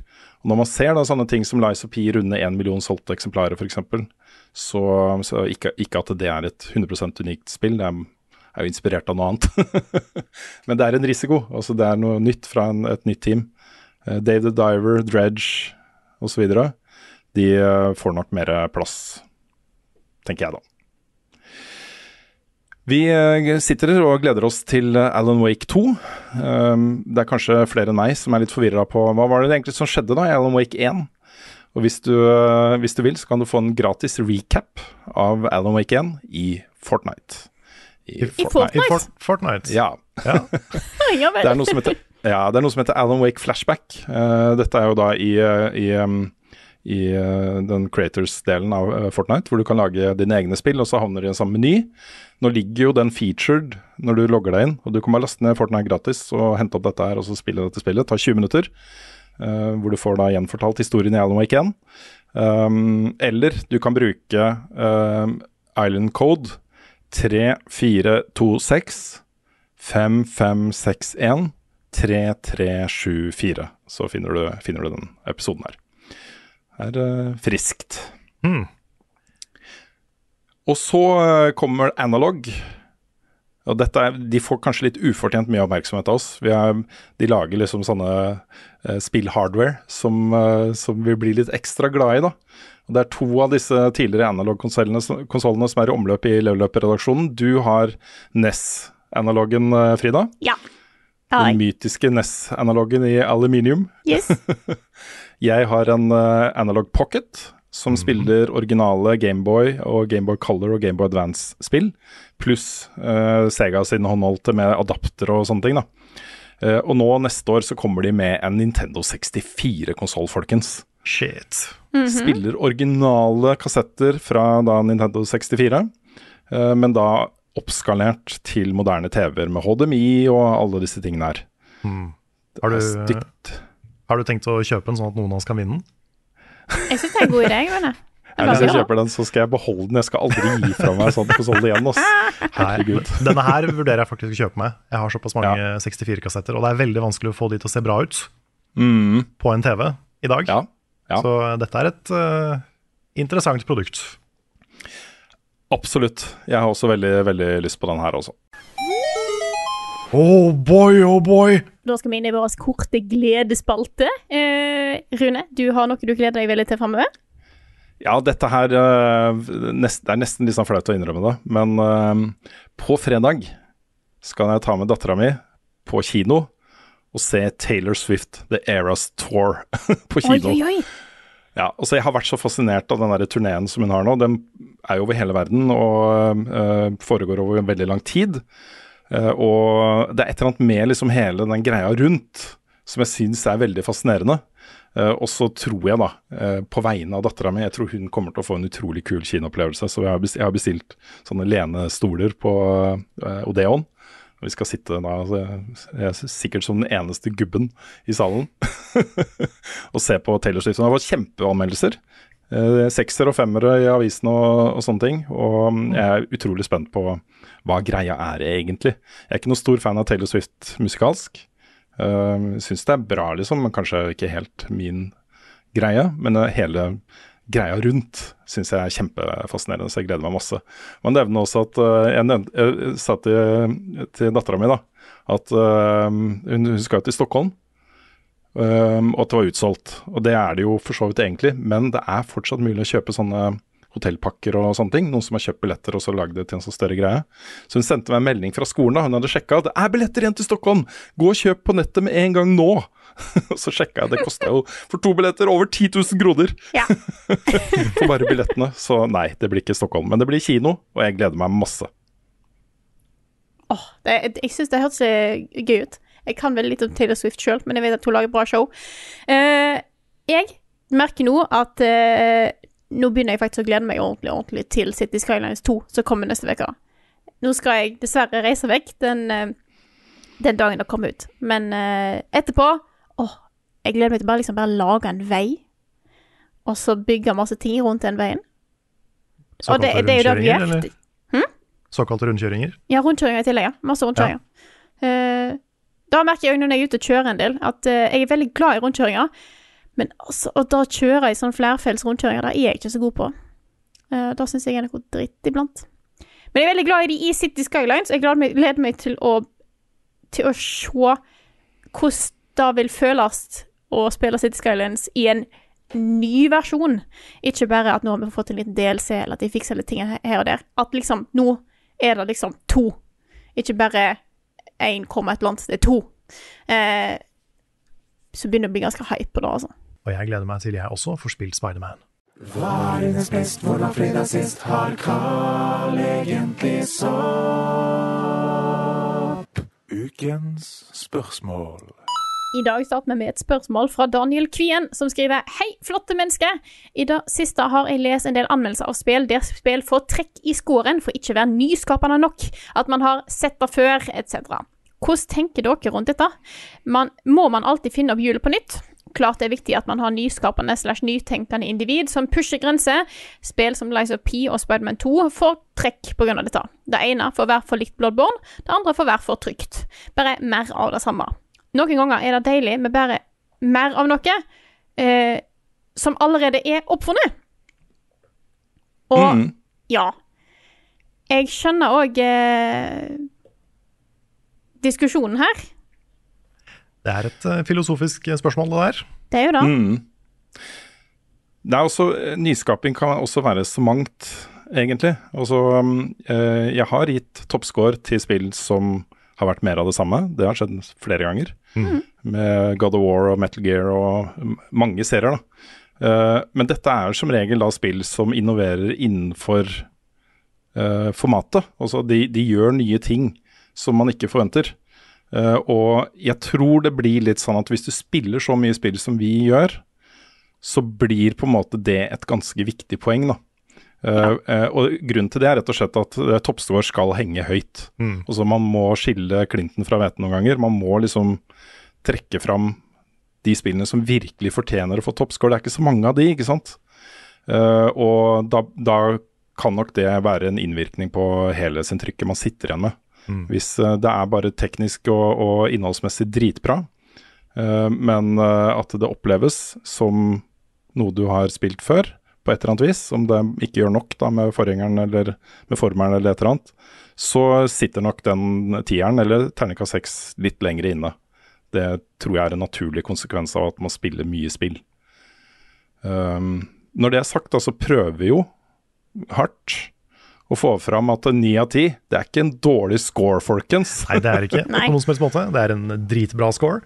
Mm. Uh, jeg trakk heller ikke Lies of P for å være for likt Bloodborne, selv om vi har snakka litt om det. Så var ikke det noe som jeg uh, putta minus på scoren for, liksom. Nei. Men i Assassin's Creed Mirage så spilte det litt inn at det var det 13. eller 14. Assassin's Creed-spillet som ikke gjorde nok for å liksom raise the bar. Mm. Så eh, det kommer jo litt an på hvor mange ganger har du gjort det før. uh, hvor mye er forbedra, hvor mye er uh, nytt da, i det. Mm. Ja.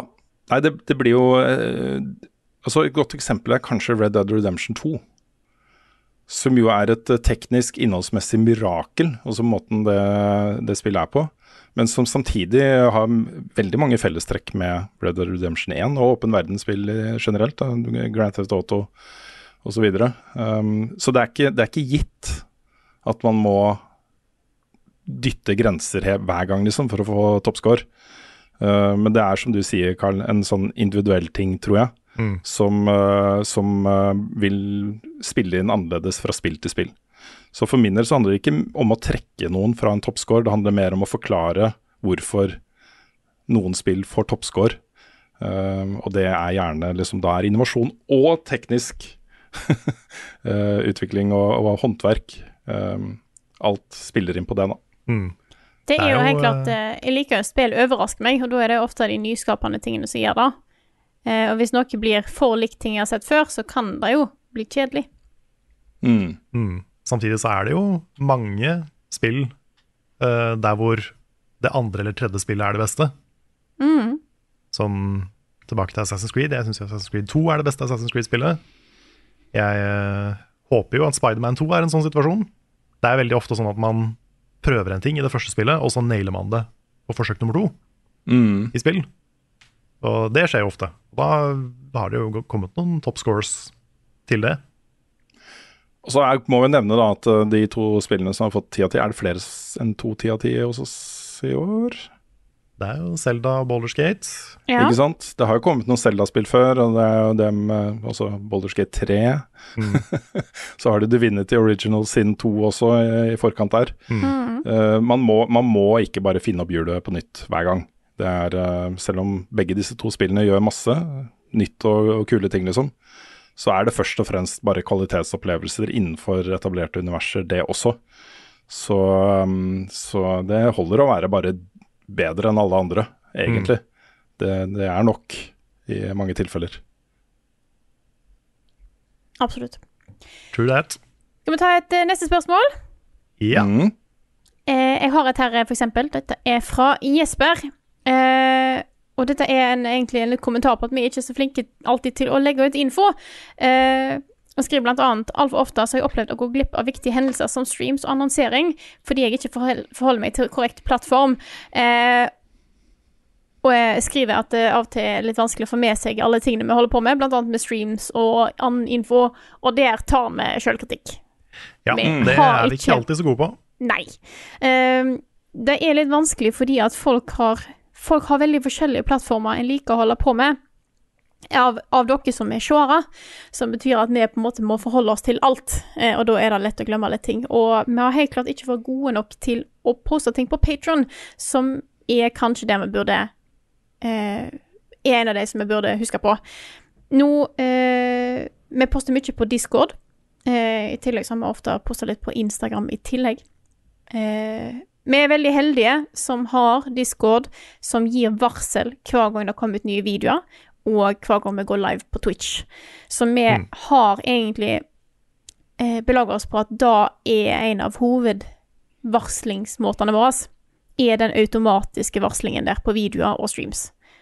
Ja, for vi har uh, på Discord, på Level Up-discorden så er det en, uh, det er en side som heter nye videoer, ikke sant? Mm, Og det er den hvor alt kommer så fort det dukker opp. Der kommer alt. Ja. Så Eh, det eneste som ikke kommer, er jo lydversjonen av podkastene. Legges jo ikke inn der. Men det blir jo da YouTube-versjonen av podkasten. Havner jo som varsel der. Stemmer. Så eh, det som er tingen, er at det er ikke alle streams i det siste vi har annonsert. Eh, mye av det har bare vært sånn spontant. Nå har vi tiden å setter vi i gang. Og da får en jo Mm. varsel enten på Discord, hvis du er med i Discord-gruppa vår, eller på Twitch, hvis du følger oss der. Eh, Mm. Men vi skal prøve å huske å kanskje bare legge ut en melding på Patron i tillegg, eh, så folk får, får det med seg det òg. Men eh, vet at det er ikke alltid at vi har planlagt alle streams så i, eh, i forkant. Hvis du eh, liker å se streams vi gjør, og vil få med deg alle de, eh, de adhoc-greiene som vi starter opp, så kan jeg anbefale folk å laste ned Twitch-appen på telefonen. logge seg inn med en bruker. Eh, abonnere på Level Up eh, Nord. Eh, For da vil telefonen din gi deg disse app-varslene hele tiden. Og Bare sett opp at den skal varsle deg når de du følger, går live. Da, det er en sånn for meg også. Eh, når telefonen min eh, Det kommer en varsel fra Twitch da, om at noen som jeg følger, går live, så kan jeg logge meg på TV-en eller på PC-en og, og, og se den. Så hvis eh, det, det tror jeg kanskje er den beste måten å få med seg de plutselige streamene våre. Det er å bare være logga inn eh, i appen på telefonen, som du alltid har med deg, så vil du få varsel. Så ja, anbefaler det også. Så sånn generelt, så hvis du abonnerer på oss på YouTube og på Twitch, så får du med deg det aller meste. Ja. Um, Og hvis du er, Også- med i discorden vår, så får du varsel om både YouTube og Twitch. yes. Mm. Så uh, hender det jo altså at vi legger ut ting på Instagram og sånn. Uh, Patron er eh, viktig å legge ut også. Der er det også mange som ikke får notifikasjoner Mm. på mail og sånn. Mm. Så det kan være litt tricky akkurat det. Så bare hvis du, hvis du har en Patron-bruker og støtter oss der, så husk å huke av på at du skal få mailer Ellers så kommer du sannsynligvis ikke til å få med deg når vi legger ut poster. Kan jeg ta et spørsmål? spørsmål? Gjerne. Det er fra Øyvind Pettersen Økland, som lurer på om vi klarer å kose oss med nye spill, eller blir det et jag å komme til rulletekst for å kunne mene noe om spillet til podkast Podkast? Han har skrevet noe annet. Og anmeldelser. Rune. Ja. jeg klarer definitivt å kose meg med spill. Ja. Det, er, det, har, det, er også, det hender at, øh, at øh, det er så mye i huet at, øh, at jeg får litt sånn sperrer Mm. på det. At det blir liksom Det å bare komme i gang blir litt tiltak. Men, øh, men øh, hvis spillet er bra, så jeg, Det er ikke ofte jeg opplever at det ikke er nok da, til at jeg bare sitter og koser meg, egentlig. Så så øh, det er på en måte en viktig del av, av hverdagen min, er at jeg fortsatt koser meg skikkelig da, med spill. Det Mm. er mm. noe av det mest meningsfylte jeg kan bedrive dagen med. Absolutt. Det er jo perioder hvor det er så mye stress at det er vanskeligere å kose seg. Um, Mm. Men jeg er også fortsatt sånn at hvis jeg skal koble ut med noe og slappe av, så er det jo fortsatt spill eller TV-serier da, som jeg setter meg ned med. Så Mm. det er eh, Det er ikke noe tvil om at det er, at det er genuin kjærlighet både på og utenom jobb. Jeg har vært stressa tidligere i perioder der er sånn, jeg vet at jeg kanskje har vært litt seint ute med en anmeldelse, og det er sånn du vet at du burde komme til rulleteksten snart, type ting. Men jeg prøver virkelig å tenke nei, vet du hva, jeg må ta et steg tilbake igjen, eh, slappe av eh, og kose seg med spillet. Hvis ikke så får en jo ikke den opplevelsen en har lyst til å ha heller. Mm. Sant? Det var så luksus da vi fikk Final Fantasy 16 tre uker tidligere. Altså tre uker før launch. Mm. Så behagelig har jeg aldri hatt det med en anmeldelse. Men hadde, hadde alltid vært sånn. Det hadde vært helt perfekt. Da, Ja, det kunne, hadde vært perfekt. da kunne jeg på en måte gitt alle spill den tida de, de fortjener, og likevel vært på ballen på embargo. Da. Mm. Det, det er på en måte drømme, drømmesituasjonen. Ja, men så er det jo sånn med oss alle sammen at vi spiller jo ting som ikke skal anmeldes, eller um, noen andre har anmeldt, eller vi har bare lyst til å snakke om det i podkasten, eller et eller annet. Mm. Og det er jo ekstremt lystbetont, da. Det er jo fordi vi er glad i spill. Det er det. Det var ikke noe redaksjonell grunn til at jeg måtte spille Lords of the Fallen eller, eh, eller Sonic Superstars, for så vidt. Det rekker vi ikke å anmelde, Mm. dessverre. Men uh, må jo få det med, med meg for det. Yes. Har du et spørsmål, eh, Carl? Skal vi se. Uh, vi kan jo for så vidt ta det fra Ingar Takonobi Hauge på eh, Facebook. Den 16. oktober, så vil si for tre dager siden, fyl, fylte Disney 100 år. Hvilke Disney-filmer er deres favoritter? Og da tenker jeg på de animerte langfilmene til Disney. Så vi utelukker Pixar og tar heller ikke med innkjøpte lisenser som Marvel eller Star Wars. Oi, oi, oi. Åh, det er vanskelig. Det er jo så mange, og nå er jo Pixar blant mine favorittfilmer generelt. Eh, så jeg skal prøve å unngå å ta opp det, siden det var et kriterium. Jeg må nok gå for ting som Løvenes konge. Mm. Men jeg har òg lyst til å slå et slag for et par litt sånn wild cards, hvis jeg kan kalle det det. Sjørøverplaneten. Ja, den men den har en del mm, Den har noen uh, Die Hard-fans. Ja, den, uh, jeg vant den på noe sånn sommermorgen på NRK da jeg var liten. Uh, jeg hadde klart å ringe inn og være med i en sånn konkurranse, og vant den. Så den liker jeg veldig godt. Og så, for jeg føler alle, altså, alle disse her klassiske, de er på en måte sjølsagte. Det er så mange av de. Jeg tror kanskje øh, Altså, jeg har helt sikkert glemt noe viktig her, men jeg tror kanskje To gode venner, Åh, The Fox and the Hound, ja. Mm. den er er noe spesielt, altså. Ja. Den kan jeg nesten ikke se. Den er for Nei, den er forferdelig. Oh boy, oh boy. Jeg føler kanskje det, det riktigste svaret er 'Løvenes konge'. Mm. Den eneste filmen jeg noen gang har sett tre ganger på kino. Oi. Da var jeg liten, men det var fortsatt eh, Jeg hadde kanskje, hadde kanskje fortsatt gjort det i voksen alder, fordi den er, den er så bra. Men skal jeg være helt ærlig, så er det Goofy Movie. Ja. Det er en fantastisk film. Overraskende ektefølt og fin og emosjonell for å være en film om langbein, men den er, den er nydelig, ass. Mm. Så ja, har vi noen flere spørsmål, eller skal vi begynne å tenke på runda? Ja, vi kan uh, ta det der. Vi har, vi har et, uh, jeg har et spørsmål som jeg har lyst til å snakke om, men da blir det plutselig uh, lang, lang greie. Du, du har mange kjøre, kjøretimer foran deg, Frida. Stemmer. Men jeg, jeg har lyst til å benytte anledningen en gang til til å takke alle dere som hører på podkasten, og som er med i vårt community, for en helt nydelig og strålende eh, 24-timers livestream. Det var en ære og en glede å få lov til å ha den streamen med alle dere flotte folk, og dere gjorde den streamen til en helt spesiell opplevelse. Og jeg må nevne også at, at jeg har snakka litt med de folka i Redd Barna etterpå, og det er på en måte det de trekker fram. Hvor eh, utrolig eh, god stemning det var i chatten. Hvor utrolig mange flotte folk det var. Hvor eh, oppbyggende de var. Hvor flinke de var til å liksom heie på folk som ikke fikk til ting, om det var Malenia eller uh, hva det skulle være. uh, og det, det er helt spesielt, altså. Uh, dere har fremstått i et utrolig godt lys nå. og det er bra for oss alle sammen. Det er en sånn ordentlig fjerde i hatten for hele level up-greia. Og da inkluderer jeg alle som ser på, hele community, oss som jobber med det, mine flotte kollegaer osv. Det har vært eh, var helt nydelig, rørende. Så, så tusen takk til alle sammen også, som var med på å gjøre dette her eh, til en bra greie. Og så vil jeg nevne at Spleisen er fortsatt oppe. Igjen, spleis.no slash gamingaksjonen, eller bare GA, hvis du har tenkt til å gi til eh, TV-aksjonen i år, som da går til inntekt for barn rammet av krig på flere prosjek forskjellige prosjekter rundt omkring i verden, så kan du bruke den spleisen. De pengene går rett inn i TV-aksjonen og kommer med på liksom bunnlinja for hvor mye vi klarte å samle inn da, eh, når vi samla Spill-Norge til felles dyst. Så eh, gå inn der og, og sjekk ut. Og så er det også sterkt behov for flere bøssebærere, som også har en reell impact på hvor mye penger som samles inn. Så du kan jo ta med deg bøssa, og så kan du be folk om å gå inn på spleis.no slash gea. og gi penger der. Det går an, det. Det Det det. går an, det. Ja.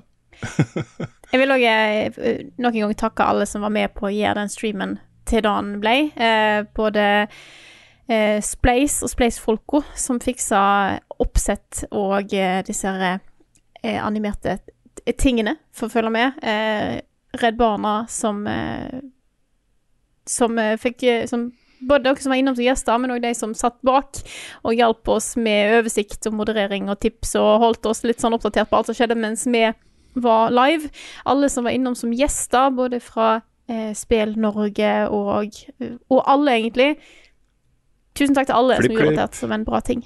Mm. Ja, og ikke minst, es, ikke minst Espen og Hugo, som Ja, eh, har stått på og rigga og vært på under hele streamen. Espen var der fra vi starta til vi ga oss, mm. og holdt i eh, mange tråder. Og en streaming-PC som ikke alltid var eh, kompis. Ja, det har stått på litt for lenge. Ja. og apropos det, så uh, takk til Komplett, som stilte opp med hele sitt streaming-rigg. Det var uh, det å bare komme til dekka, dekka bordet med kameraer og miksepulter og, og PC-er og alt mulig rart, var uh, kjempebra, altså. Jeg, jeg tror ikke vi hadde fått en like god stream uten det rigget. Så det var mange folk som hjalp oss med dette her, og som stilte opp. Både som gjester, kulturministeren var innom, generalsekretær i Redd Barna var innom. Masse forskjellige sånn landssjefer og sånne ting. Og det var eh, sånn stjernelag da, av folk som eh, ville godt. Det Mm. var, eh, var kjempefint. Kjempefint. Det var Så, det. eh, ja. Så tusen takk til alle, og gå inn på splace.no slash GA hvis du har lyst til å støtte Redd Barna enda mer fram til TV-aksjonen, som er nå på søndag 22. oktober. Og da runder vi av denne podkasten, gjør vi ikke det? Dette her er podkasten Level Backup, eh, utgitt av Moderne Media. Låten i introen og outroen er skrevet av Ole Sønnik Larsen og arrangert og framført av Kyoshu Orkestra. Bygnattene er lagd av fantastiske Martin Herfjord. Resten av innholdet vårt da finner du på youtube.com slash levelupnord og twitch.tv slash levelupnord. Der finner du òg opptak av hele streamen vår på over 24 timer, hvis det var noe der du gikk glipp av.